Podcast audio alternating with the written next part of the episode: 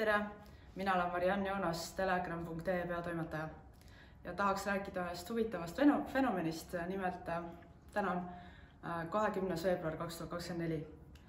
kolmeteistkümnendal veebruaril kaks tuhat kakskümmend neli avalikustas Postimees oma veebis artikli pealkirjaga Kas oled reservist? kui jah, siis võib Kaitseväe valmiv plaan ka sind puudutada. ja seal toodi siis välja seda, et äh, reservväelasi ehk siis neid, kes on kunagi Kaitseväes käinud, äh, võidakse nende, kui nad soovivad, suunata välismissioonidele. ja lisaks teistele riikidele, Iraagile ja mis seal veel mainiti, oli mainitud ka Ukrainat. ja kuna see tundus mulle väga huvitav, siis ma võtsin sealt mõned laused välja ja tegin sellest eraldi artikli Telegrami, mis ilmus kuueteistkümnendal veebruaril. ja need laused olid näiteks et, äh, et Kaitseväe strateegial on uus suund, mis viitab kaitseväelaste aktiivsele kaasamisele Ukraina konfliktis. see lause oli Postimehes. nii, järgmine lause, mis Postimehes oli, oli see, et äh, Kaitseväe peastaabi ülem kindralmajor Enno Mõts äh, rõhutas vajadust aktiviseerida reservteenistus, et toetada Ukrainat sel kriitilisel hetkel ja kolmandaks, reservväelaste aktiveerimine, aktiveerimine ja suunamine Ukrainasse ei ole mitte ainult strateegiline manööver, vaid ka sümbol solidaarsusest Ukrainaga. Need olid nüüd need kolm asja, mis ma sealt välja võtsin. seal oli Ukrainast veel pikemalt juttu, aga ma ei hakanud seda välja võtma, sest et äh, juba kopi, Postimehe copyright keelab seda, kui ma paneksin sinna väga palju lauseid, siis Postimehel on õigus Telegrami trahvida. nii ja mis nüüd sellele järgnes? eile, üheksateistkümnendal äh, veebruaril tegi äh, Delfi ja Päevalehe faktikontroll uue artikli,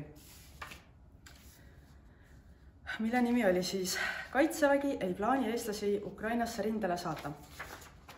selle artikli tegi Kaili Malts, fakti kontrollimise ja valeinfo reporter. nii, ja siis nad kirjutavad kuid artiklis viidatud Postimehe loos ei ole kordagi mainitud Ukrainat. räägitakse hoopis teistest välisoperatsioonidest. ja et seda Telegrami artiklit jagatakse ka sotsiaalmeedias ja faktikontroll märkis ära mitu postitust, mis valeinfot sisaldasid. ja mulle eile saadeti see edasi või mulle kirjutati ühesõnaga jah, et, et äh, aga Marianne, et miks sa kirjutasid valeinfot, et äh, ma ise tegin ka selle Postimehe loo lahti ja seal ei ole neid lauseid, mis sa välja tõid. ma mõtlesin, et oota, mis asja. kui te olete vähegi kunagi Telegrami lugenud ja oleme tegutsenud üle üheteistkümne aasta, siis äh, oleme üks väheseid portaale, mis alati lingib kõiki allikaid, mida me artiklis kasutame. vahet pole, kas sa seda usud või ei usu. meie tugineme oma äh, artiklis viidatud allikatele.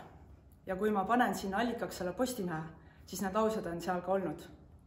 ja teen siis lahti selle Postimehe artikli ja sealt on absoluutselt kõik Ukraina teemaga kustutatud laused ära võetud. ehk siis artiklist on eemaldatud vähemalt üks neljandik. kõik on ära võetud. nii, minu küsimus on selles, et kas selle eemaldas nüüd Postimehe toimetus ise, kui nad vaatasid, et millist tagasisidet see sai, negatiivset on ju, või see käsk tuli Kaitseväest sest et tegu oli ju plaaniga, on ju, või, noh, mingi asi, mis alles arutati, et äkki siis äh, kes see kindralmajor siin oli, Mõts, et äkki ta rääkis liiga palju välja Postimehele, mida ei tohtinud rääkida. nii, ja nüüd ma vaatan siis äh, edasi seda faktikontrolli artiklit